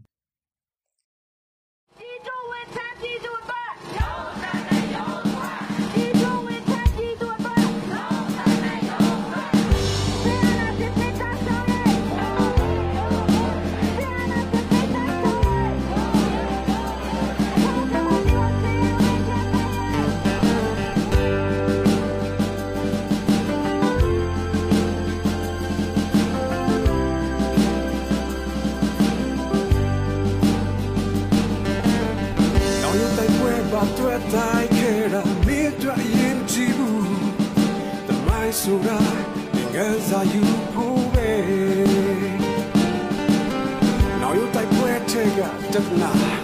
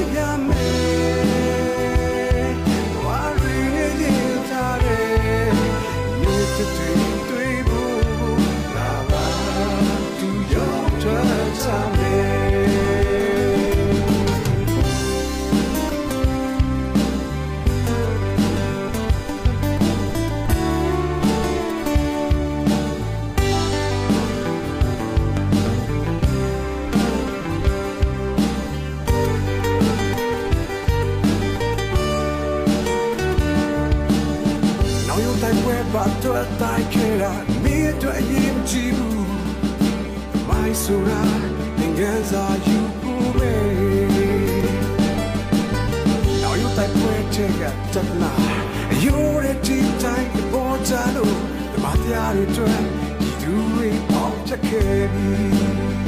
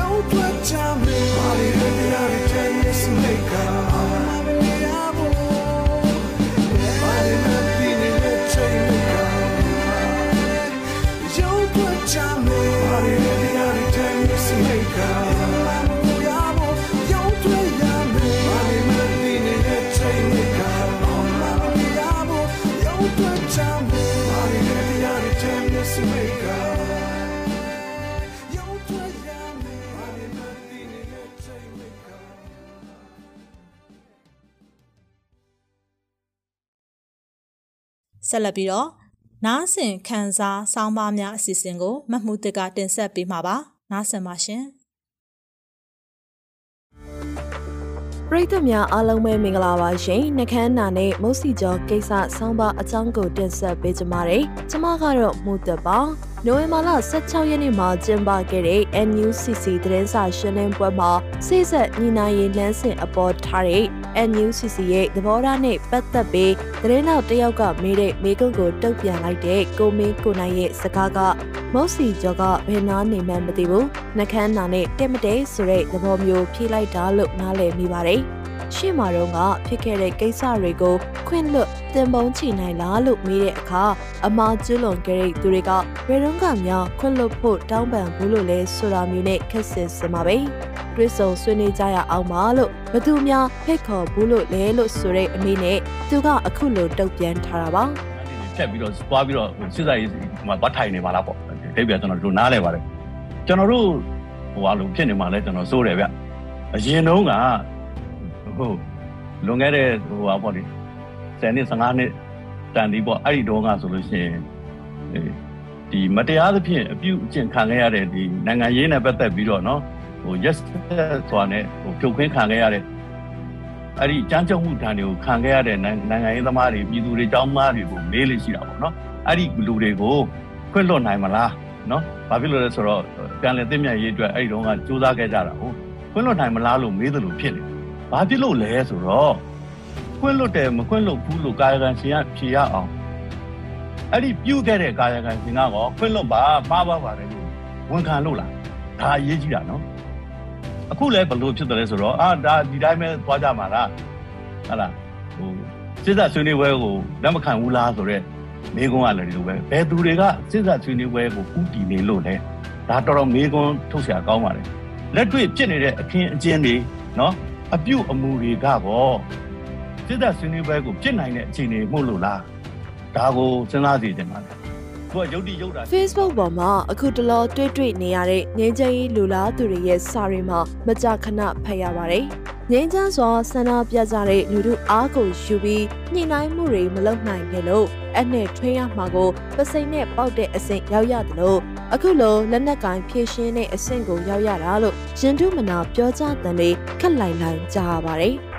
တွင်းဆောင်ဆွေးနွေးရေးလှုပ်ရှားဖို့ဆိုတာမျိုးကတောင်အာဖရိကကအသားအရောင်နဲ့လူမျိုးရေးခွဲခြားမှုစန့်ကျင်ရေးခေါင်းဆောင် Nelson Mandela နဲ့တောင်အာဖရိကသမ္မတဟောင်း Federal William de Klerk တို့ဆွေးနွေးခဲ့ကြတယ်လို့မျိုးနိုင်ငံကောင်းမှုအရွယ်ချက်နဲ့စိတ်ရင်းအမှန်နဲ့ဆွေးနွေးနိုင်မှတကယ်အလုပ်ဖြစ်နိုင်မှာပါ။တောင်အာဖရိကကလူဖြူလူနည်းစုနဲ့ဖွဲ့စည်းထားတဲ့ National Party ခေါင်းဆောင် de Klerk က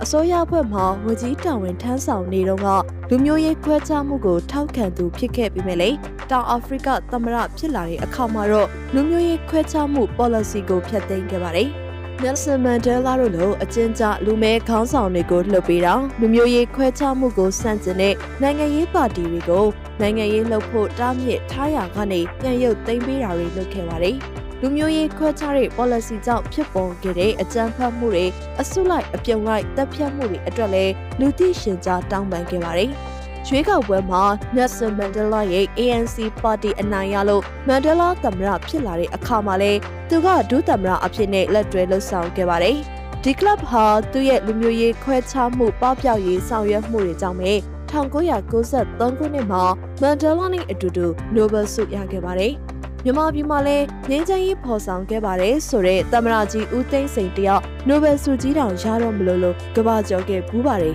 ။သူလက်ထက်မှာတော့ကလူထုခေါင်းဆောင်ဒေါအောင်ဆန်းစုကြည်နဲ့တွေ့ဆုံဆွေးနွေးမှုတချို့ရှိခဲ့ပါတယ်။ဒါကလည်းငင်းချင်းရန်ပုံငွေတွေနိုင်ငံတကာယင်းနှမြုပ်နှံမှုတွေဘုံပေါ်လော်အော်လိမ့်ဝင်လာအောင်လို့ကိုးစိရွေးကောက်ပွဲရလဒ်ကိုအတိမတ်ပြုပါတယ်လို့တာဝန်ကြီးစပားရောင်းတယ်လို့ပြောခဲ့ဘူးတာမျိုး NLD ပါတီပြန်မပုံတင်ခွင့်ရဖို့ဥပဒေတချို့ဖြည့်လျှော့ပေးခဲ့တာမျိုးပဲရှိပါတယ်။ ဒါပေမဲ့လူလူခေါင်းဆောင်ဒေါအောင်ဆန်းစုကြည်ကိုထိုက်ထိုက်တန်တန်နေရာပေးမှုတွေနှစ်ပေါင်း15နှစ်ကျော်ကြာအောင်နေအိမ်အကျယ်ချုပ်ချထားခဲ့တဲ့စစ်အစိုးရရဲ့လုပ်ရက်တွေအတွက်ဝင်ချတောင်းပန်တာတွေလုံးဝမရှိခဲ့ပါဘူး။ဒါကလည်းတိတ်တော့မထူးဆန်းလာပါဘူး။ဒေါအောင်ဆန်းစုကြည်တစ်ချိန်လုံးတောင်းဆိုခဲ့တဲ့တွဲဆုံဆွေးနွေးညှိနှိုင်းရေးကိစ္စတွေကိုစစ်အစိုးရခေတ်အဆက်ဆက်မှာဘလို့မူဝါဒနဲ့လုပ်ခဲ့တယ်လဲဆိုတာကိုပြန်ကြားရေးဝန်ကြီးဟောင်းဦးရထွတ်ရေးခဲ့တဲ့စာအုပ်တအုပ်ထဲမှာဖွင့်ချထားတာဖတ်ရဘူးပါတယ်။လူချုပ်မူကြီးတန်းရွှေကအလုသမားဝင်ကြီးဦးအောင်ကြီးကိုဒေါန်ဆန်းစုကြည်နဲ့တွဲဆုံဖို့တာဝန်ပေးခဲ့တဲ့၉ချိန်စလုံးမှာ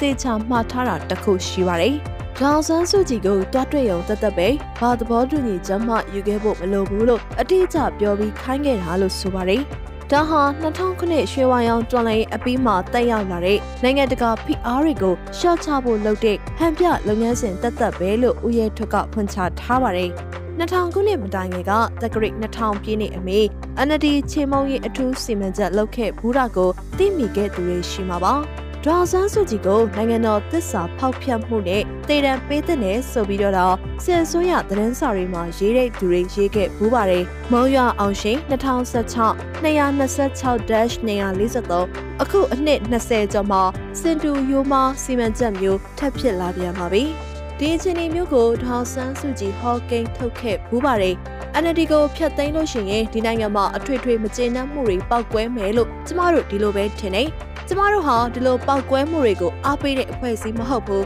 ကျမတို့ထိန်းထားတာပြည်သူလူထုရဲ့မကျေနပ်မှုတွေကိုထိန်းထားတာ NLD ကိုဖျက်သိမ်းလိုက်လို့ရှိရင်ကျမတို့လိုအကြမ်းမဖက်တဲ့နီးနဲ့လှုပ်တဲ့အဖွဲ့တွေနေတာမကပဲအကြမ်းဖက်တဲ့နီးနဲ့ဒီအထွေထွေအကြက်တဲတွေကနေပြီးတော့လွတ်မြောက်အောင်လုပ်မယ်ဆိုတဲ့အဖွဲ့တွေမပေါ်လာနိုင်ဘူးလို့ကျမမပြောနိုင်ဘူးဆိုပြီးဒေါ်ဆန်းစုကြည်ကပြောခဲ့ပူပါတယ်အခုလက်ရှိဖြစ်နေတဲ့နိုင်ငံအနှံ့ပြားမှာ သဘုံထနေတဲ့ကိစ္စတွေကိုလွယ်လွယ်နဲ့ထိမ့်သိမ့်ဖို့ဆိုတာမဖြစ်နိုင်တော့ပါဘူး။တစ်ဖက်မှာလည်းနိုင်ငံရေးစီးပွားရေးကမောက်ကမဖြစ်လာတာတွေကြောင့်လုံခြုံရေးဝန်ထမ်းတွေအရက်သားတွေစီးပွားရေးလုပ်ငန်းရှင်တွေအပါအဝင်နိုင်ငံသားအလုံးရဲ့အသက်အိုးအိမ်စည်းစိမ်တွေအတွက်ဘာအာမခံချက်မှမရှိတော့ပါဘူး။ဖေဖော်ဝါရီလကတည်းကပြည်သူတွေဟာအကြမ်းမဖက်တဲ့နည်းနဲ့နိုင်ငံအနှံ့ကြဲကြဲလောင်လောင်အချိန်အကြာကြီးဆန္ဒထုတ်ဖော်ခဲ့ကြပါပြီ။ ဘလောက်အော်ပြောပြောမကြားကျင်အောင်ဆောင်ပိတ်ထားခဲ့ကြတဲ့နားတွေကြောင့်လက်နက်ကင်သဘုံထားဖို့ဆုံးဖြတ်သူတွေကဆုံးဖြတ်ခဲ့ကြပါပြီဒီအချိန်တွေကိုပြည်သူတွေကရွေးချယ်ခဲ့တာမဟုတ်ပါဘူးမရောက်ချင်မင်းနဲ့တွန်းပို့ခံခဲ့ရတာပါကျမတို့ပြည်သူတွေထပ်ပိုးပြီးဘသူကငြင်းချမ်းကျင်ပါမလဲကျမတို့ပြည်သူတွေတော့ငါတို့မဲကိုလေးစားပါလို့နမ်းမော်တက်ပြီးတစားစားអော်ခဲ့တာဘသူရှိမလဲကျမတို့သားသမီးတွေလောက်တိတကြောကြောအော်ပြီးငြိမ့်ငြိမ့်ချမ်းချမ်းတောင်းဆိုခဲ့တဲ့သူတွေဘသူရှိမလဲ အချိန်နဲ့တော့လမ်းပေါ်ကကျမတို့သားသမီးတွေပဲရဘာကြီးနဲ့ပြစ်ခံရကြီးအစ်စ်နဲ့ပြစ်ခံရညဘက်ကြီးအိမ်ပေါ်တက်ခွေးဆွဲတလို့ဆွဲခံရမိသားစုလိုက်အဖမ်းခံရ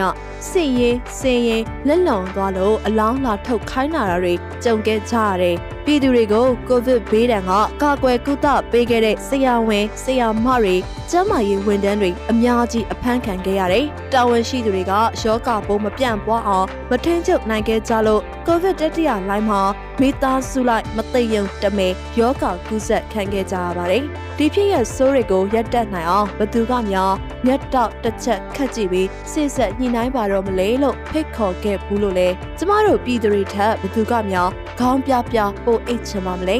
အိမ်နိုးချမ်းသာမရှိရတဲ့ရက်တွေခွေးဟောင်တိုင်းထားကြည့်ရတဲ့ရက်တွေကျမတို့လောက်ဘသူကပို့ပြီးတော့ကုံဆုံးစေခြင်းပါမလဲတလန်းကျော်ကရဲစခန်းဖုံးပစ်ခန်းလိုက်ရတာနဲ့ရွာထဲကအုတ်ချုပ်ရေးမှုကလက်တိုးလိုက်တာနဲ့ဘယ်အချိန်ကိုလန်းနဲ့လာပြီးတွေ့တဲ့သူဆွဲခေါ်သွားခံရမလဲဆိုတဲ့စိတ်နဲ့တထိတ်ထိတ်ထိုင်ဆောက်နေရတဲ့ပြည်သူတွေလောက်ဘသူကငြိမ်းချမ်းရေးပို့လို့ခြင်းပါမလဲ အခုချိန်ထိမုတ်စီကျော်ကျွေးရင်စားမလားလို့မေးနေတဲ့သူတွေနှကန်းနာနဲ့တဲ့မတဲ့မုတ်စီကျော်လေးတော့စားလိုက်တက်ပါတယ်လို့ပြောနေတဲ့သူတွေကပြောနေတော့မှာပဲဒီကြတဲ့ကျွေးမကျွေးမုတ်စီကျော်စားချင်လာပါပြီဆိုတဲ့သူတွေကလည်းအများကြီးကိုတဲကိုရှူလာပြီးကြော်ကျွေးလိုက်ချင်တဲ့သူတွေကလည်းအများသားပါပဲကျမတို့ပြည်သူတွေမှာပါစားရမှန်းမသိမစားရမှန်းမသိနဲ့ကြားထဲမှာအပူမုတ်ခံရလို့ နှကန်းနိုင်ုံတင်မကဘူးတကိုယ်လုံးမှာအလောင်မြိုက်ခံအငက်ခံပြီးဘသူကဘယ်အချိန်ဘာရည်ရွယ်ချက်နဲ့လာကျွေးမှန်မှန်မသိတဲ့မုတ်စီကြော်ကြီးကိုမစားရဝကမန်းထိုင်ဆောက်နေခဲ့ကြရတာအနှစ်30ကျော်ခဲ့ပါပြီရော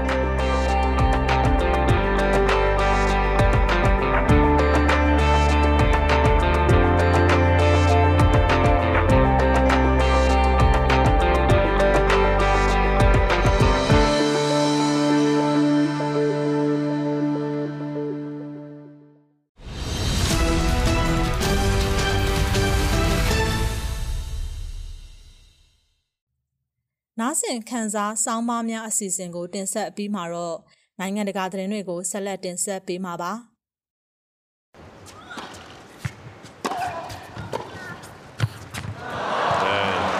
Vermet. Depon. တရုတ်တင်းနစ်အကျော်အမော်ဟာနိုင်ငံရဲ့အာဏာအရှိဆုံးနိုင်ငံရေးသမားတဦးကိုလိမ်ပိုင်းဆိုင်ရာစော်ကားမှုပြုလုပ်ခဲ့ကြောင်းထုတ်ဖော်ပြောဆိုခဲ့ပြီးတဲ့နောက်ပိုင်း၎င်းနဲ့ပတ်သက်တဲ့အငင်းပွားမှုတွေဟာ ကပြက်ရပြက်ပြောဆိုမှုတွေဖြစ်တယ်လို့နိုဝင်ဘာလ23ရက်အင်္ဂါနေ့မှာတရုတ်ကပြောကြားလိုက်ပါတယ်။ Wimbledon နဲ့ပြင်သစ် Open Tennis ပြိုင်ပွဲတွေရဲ့နှစ်ထပ်ကွမ်းချန်ပီယံတူဖြစ်တဲ့ဖန်ရွှင်ဟာဒုဝန်ကြီးချုပ်တူရဲ့လိမ်ပိုင်းဆိုင်ရာစော်ကားမှုအကြောင်းကိုဖွင့်ချပြီးတဲ့နောက်သတင်းနှစ်ပတ်ကြာပျောက်သွားခဲ့ပါတယ်။အသက်35နှစ်အရွယ်သူမကိုဒီသတင်းပတ်အကုန်ပိုင်းမှာမှဘေကျင်းတင်းနစ်ပြိုင်ပွဲသို့တက်ရောက်ကြည့်ရှုလာတာကိုပထမဆုံးချိန်ဖြစ်လူမြင်ကွင်းမှာပြန်လည်တွေ့ရှိခဲ့ရပါတယ်။ တချို့ကိုပြောချင်တာကတမင်တကာကြီးကျယ်လာအောင်လှည့်စားနေတာတွေကိုရက်တဲ့တယ်လို့ထင်ပါတယ်။ဒီကိစ္စကိုနိုင်ငံရေးနဲ့ရောထွေးမပစ်ပါနဲ့လို့နိုင်ငံသားရေးဌာနပြောခွင့်ရကြားလီကျန်ကအဆိုပါဖြစ်ရဟာတရုတ်နိုင်ငံအတွက်နိုင်ငံတကာပုံရိပ်ကိုထိခိုက်စေခြင်းရှိမရှိဆိုတဲ့မေးခွန်းနဲ့ပတ်သက်ပြီးဖြေကြားခဲ့ပါတယ်။ဒီမှတ်ချက်ဟာဖန်ရွှင်ရဲ့ကိစ္စနဲ့ပတ်သက်နေပြီးတရုတ်အစိုးရရဲ့တခုတည်းသောတိုက်ရိုက်တုံ့ပြန်မှုဖြစ်ပါတယ်။ အင်္ဂါနေ့အထိအောင်သူမရဲ့နေထိုင်ရာအရက်နဲ့အခြေအနေတွေကိုမေးလာတဲ့မေးခွန်းတွေကိုဘေကျင်းကအချင်းချင်းညှင်းဆိုခဲ့ပြီးဒါဟာတန်တမန်ရေးရာကိစ္စမဟုတ်ကြောင်းပြောဆိုခဲ့ပါတယ်။သူမပြောဆိုခဲ့တဲ့တက်တဲ့အထောက်အထားတွေကိုလည်းတရုတ်နိုင်ငံရဲ့စင်ဆာဖြတ်တောက်ထိန်းချုပ်ထားတဲ့အင်တာနက်ကနေချက်ချင်းဖယ်ရှားခဲ့ပါတယ်။ဖန်ကိုတနင်္ဂနွေနေ့ကနိုင်ငံတကာအိုလံပစ်ကော်မတီအကြီးအကဲနဲ့မိနစ်30ကြာဗီဒီယိုခေါ်ဆိုမှုမှာအရင်ဆုံးတွေ့ခဲ့ကြရတာဖြစ်ပေမဲ့နိုင်ငံတကာမှာရှိတဲ့လူ့အခွင့်အရေးအဖွဲ့တွေနဲ့အားကစားအဖွဲ့တွေက ဖန်ရဲ့အခြေအနေနဲ့ပတ်သက်ပြီးစိုးရိမ်ပူပန်နေကြောင်းနဲ့သူမရဲ့ဆွဆွဲချက်တွေကိုဘလို့အရေးယူမလဲဆိုတာအပေါ်မေးခွန်းထုတ်ခဲ့ကြပါတယ်ဒီဗီဒီယိုဟာစင်ဆာဖြတ်တောက်ခံလိုက်ရတဲ့လိမ်မိုင်းဆိုင်ရာစော်ကားဆွဆွဲမှုတွေအတွက်တရားမျှတပြီးပွင့်လင်းမြင်သာမှုရှိတဲ့စုံစမ်းစစ်ဆေးမှုတွေပြုလုပ်ဖို့ကျွန်တော်တို့ရဲ့တောင်းဆိုချက်တွေကိုမပြောင်းလဲစေပါဘူးလို့မျိုးသမီးတင်းနစ်အသင်းကပြောကြားခဲ့ပါတယ် ဖန်ရှင်ရဲ့နောက်ဆုံးအခြေအနေနဲ့ပတ်သက်ပြီးတော့ပြီးခဲ့တဲ့ရက်ပိုင်းအတွင်းကကျွန်တော်တို့ကိုအကြိမ်ကြိမ်မေးခွန်းထုတ်ခံခဲ့ရပါတယ်။ဒါကတန်တမာရေးကိစ္စမဟုတ်သလိုဖန်ရှင်အနေနဲ့လည်းလူမြင်ကွင်းမှာထွက်ပေါ်လာတာကိုသတိထားမိပါတယ်။သူမဟာနိုင်ငံတကာအိုလံပစ်ကော်မတီဥက္ကဋ္ဌနဲ့လည်းဗီဒီယိုခေါ်ဆိုမှုပြုလုပ်ခဲ့ပါတယ်။လူတချို့အနေနဲ့ဒီကိစ္စကိုနိုင်ငံရေးနဲ့ရှက်နွယ်ပြီးတမင်တကာဒေါသပောက်ကွဲလာအောင်လှည့်စားနေတာကိုရက်တင်ပြီးထင်ပါတယ်လို့တရုတ်နိုင်ငံသားရေးပြောခွင့်ရကြားလီကျန်းကဆိုပါတယ်။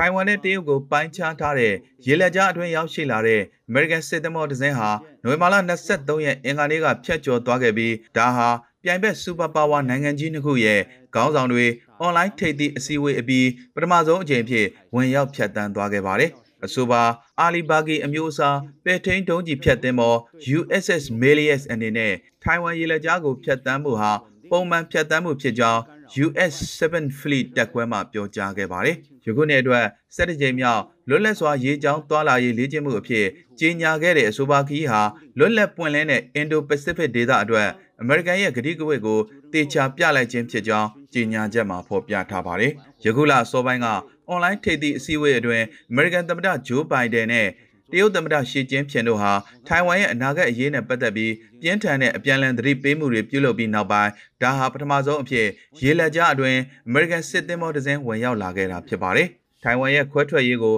အားပေးအားမြောက်ပြုခြင်းဟာမီးနဲ့ကစားခြင်းဖြစ်တယ်လို့ရှီကဘိုင်ဒန်ကိုသတိပေးခဲ့ကြောင်းထိပ်သီးအစည်းအဝေးအပြီးမှာတရုတ်မီဒီယာတွေကနေဖော်ပြခဲ့ကြပါတယ်။ American စစ်သင်္ဘောတွေအနေနဲ့ရေလက်ကြားအတွင်းအခါအားလျော်စွာစစ်ရေးလေ့ကျင့်မှုတွေပြုလုပ်လေ့ရှိပြီး ထို့သို့ပြုလုပ်တဲ့အခါတိုင်းမှာထိုင်ဝမ်နဲ့ပတ်ဝန်းကျင်ရေလက်ကြားဒေသဟာမိမိတို့ပိုင်နက်ဖြစ်ကြောင်းပေကျင်းကဒေါသတကြီးတုံ့ပြန်လေးရှိပါတယ်။အမေရိကန်နဲ့နိုင်ငံအများပြားကတော့အဆိုပါရေလမ်းကြောင်းကိုနိုင်ငံတကာရေပိုင်နက်အဖြစ်သတ်မှတ်ထားပါတယ်။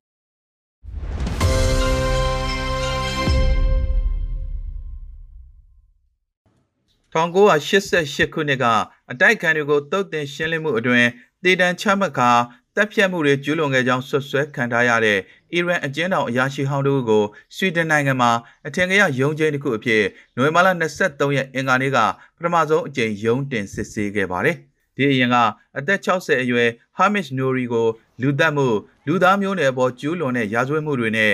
စစ်ရာဇဝတ်မှုတွေအပါအဝင်စွဲချက်များစွာနဲ့ဒီနှစ်ဩဂုတ်လကတည်းကစတော့ဟုမ်းခရိုင်တရားရုံးမှာရုံးတင်ခဲ့ပါတယ်။ ဒီရာဇဝတ်မှုတွေကို1988ခုဇူလိုင်လ30ရက်နေ့ကနေဩဂုတ်လ16ရက်နေ့ဂျာကာလအတွင်းခါရာမာရှိတဲ့ဂိုဟာဒက်ရှ်အကျဉ်းထောင်အတွင်းလက်ထောက်အစိုးရရှေ့နေအဖြစ်နဲ့ကျူးလွန်ခဲ့တာဖြစ်ပါတယ်။1988ခုနှစ်အီရန်အီရက်စစ်ပွဲအပြီးမှာအီရန်ပြည်သူ့သမ္မတမူဂျာဟီဒန်ဦးဆောင်ခဲ့တဲ့ ပြည်ပရောက်အတိုက်ခံအဖွဲ့ MEK ရဲ့တိုက်ခိုက်မှုအတွက်လက်တုံ့ပြန်တဲ့အနေနဲ့ထိပ်တန်းအာဏာရခေါင်းဆောင်အာယာဒူလာခိုမီနီရဲ့အမိန့်နဲ့အီရန်နိုင်ငံတဝမ်းမှာအကျဉ်းသား9000ခန့်ကိုဥပဒေမဲ့တရားလက်လွတ်တပ်ဖြတ်ခဲ့ကြောင်းလူအခွင့်အရေးအဖွဲ့တွေကဆိုပါတယ်။နိုကိုရီကိုဆွဲဆိုထားတဲ့အမှုတွေမှာတပ်ဖြတ်မှုတစ်ခုချင်းစီအတွက်တိုက်ရိုက်လှုပ်ဆောင်ခဲ့ကြောင်းမပါဝင်ခဲ့ပေမဲ့တေတံချမှတ်မှုကွက်မြက်ခန်းစီကိုအကျဉ်းသားတွေပို့ဆောင်ခဲ့မှုနဲ့အကျဉ်းသားတွေရဲ့နာမည်ကိုကောက်ယူရမှာပါဝင်ခဲ့မှုတွေအတွက်ဆွဲချက်တင်ထားပါတယ်။ နိုကိုရီကဆွဲချက်တွေကိုညွှန်းဆိုခဲ့ပေမဲ့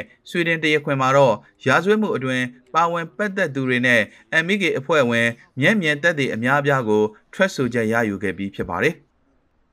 ကျွန်တော်တို့တေမင်းနှကန်းဝကိုရောက်နေချိန်ကသူ့ကိုတွေ့မြင်ဘူးခဲ့တာဖြစ်ပြီးသူ့ပါဇက်ကရွတ်ဆိုလိုက်တဲ့နာမည်တွေအတိုင်းလူတချို့ကတေတံချမှတ်ရအခန်းစီကို ခေါ်ဆောင်သွားခံခဲ့ကြရပါတယ်လို့မျက်မြင်သက်သေတူဖြစ်တဲ့ Raza Falahi က AFP ကိုပြောပြပါတယ်။နောက်45မိနစ်လောက်နေတော့သူပြန်လာပြန်တယ်။အလားတူလောက်ရမျိုးကိုထက်ချီတလဲလဲလုတ်ခဲ့တယ်လို့၎င်းကဆိုပါတယ်။ဖာလာဟီဟာ1988ခုနှစ်ကနေ1992ခုနှစ်အထိအောင်အကျဉ်းချခံခဲ့ရပြီး1988ခုနှစ်မှာနာမည်ဆိုးနဲ့ကြော်ကြားတဲ့ဂိုဟာဒက်ရှ်အကျဉ်းတောင်မှာရှိနေခဲ့ပါတယ်။ အခုတော့အသက်62နှစ်အရွယ်၎င်းဟာ UK မှာမိသားစုနဲ့အတူနေထိုင်လျက်ရှိပါတယ်။ဆွီဒင်ရဲ့အပြည်ပြည်ဆိုင်ရာတရားစီရင်ပိုင်ခွင့်မူအရ၎င်းရဲ့တရားရုံးတွေဟာလူမျိုးတုံးတပ်ဖြတ်မှုနဲ့စစ်ရာဇဝတ်မှုတွေလိုကြီးလေးတဲ့ဆွဲချက်တွေအတွက်ဆွဲချက်တင်ခံရတဲ့မြည်သူကိုမဆိုမြည်သည့်နေရာမှာရှိနေသည့်ဖြစ်စေစီရင်ပိုင်ခွင့်ရှိကြောင်းသိရှိရပါတယ်။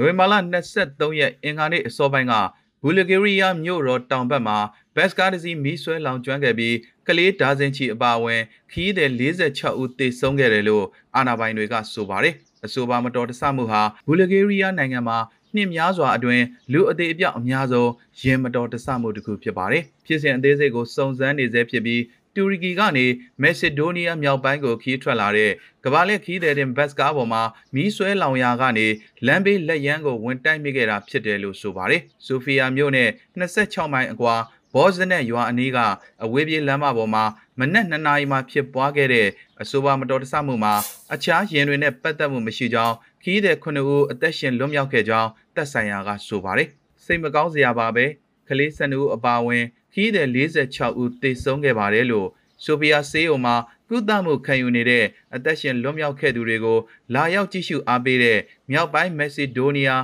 ကျန်းမာရေးဝန်ကြီးဘန်ဂိုဖိလစ်စီက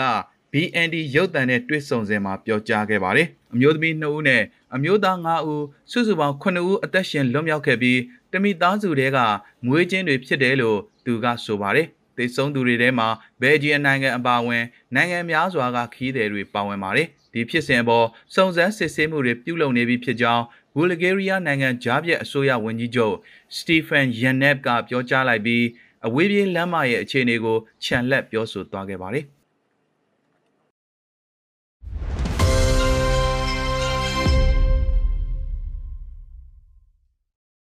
လျှက်စစ်ကားသုံးဆွဲမှုပိုပြီးများလာပေမဲ့တစ်ဖက်မှာတော့လျှက်စစ်လေယာဉ်တွေသုံးဆွဲမှုတိုးတက်မလာသေးပါဘူး။ လျှက်စစ်လေယာဉ်တွေနဲ့ပတ်သက်တဲ့အကြီးမားဆုံးစိန်ခေါ်မှုကတော့ဘက်ထရီတွေရဲ့အလေးချိန်ကတိတ်ကိုများနေတာပဲဖြစ်ပါတယ်။နိုင်ရှင်ပြောရရင် လောင်စာစီနဲ့ပြန်တန်းတဲ့လေယာဉ်တွေမှာ12000 watt hour per kilogram နဲ့ညီမျှတဲ့စွမ်းအင်ကိုရရှိတော့လဲယနေ့ခေတ်ရဲ့အကောင်းဆုံးဘက်ထရီတွေမှာအမြင့်ဆုံးစွမ်းအင်ပမာဏ250ကနေ300 watt hour per kilogram ကိုသာထုတ်ပေးနိုင်စွမ်းရှိပါတယ်။ဆိုလိုတာကဘက်ထရီတွေဟာလေယာဉ်စီနဲ့စာရင်တဲဆောင်နိုင်တဲ့စွမ်းအင်အလေးချိန်ဟာ 3ရာခိုင်နှုန်းကနေ4ရာခိုင်နှုန်းပဲရှိတယ်ဆိုတာပဲဖြစ်ပါတယ်။ဒါကြောင့်ဘက်ထရီနဲ့ပြန်တန်းတဲ့လျှက်စစ်လေယာဉ်တွေဟာကနဦးအဆင့်မှာပဲရှိနေသေးတယ်ဆိုတာထင်ရှားနေပါတယ်။အခုအချိန်မှာဒိမက်လေးတက်က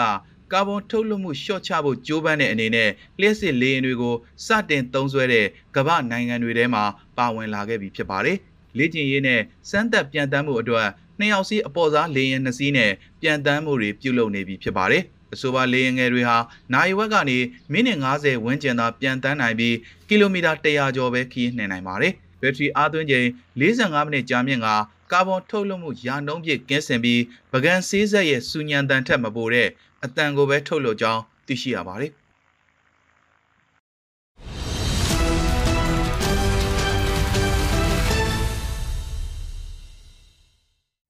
ဝန်အိုရဖန်ရဲ့ဒီနေ့ညသတင်းတွေကတော့ဒီလောက်ပါပဲနားဆင်ကြကြသူတွေအားလုံးကျမ်းမာကြပါစေရှင်ကျမတို့မြစီမ108 FM ရဲ့နေ့စဉ်သတင်းအစီအစဉ်တွေကိုမြစီမ108 FM Facebook Page နဲ့ Anchor Podcast ကနေလည်းနှာစင်နိုင်ပါတယ်။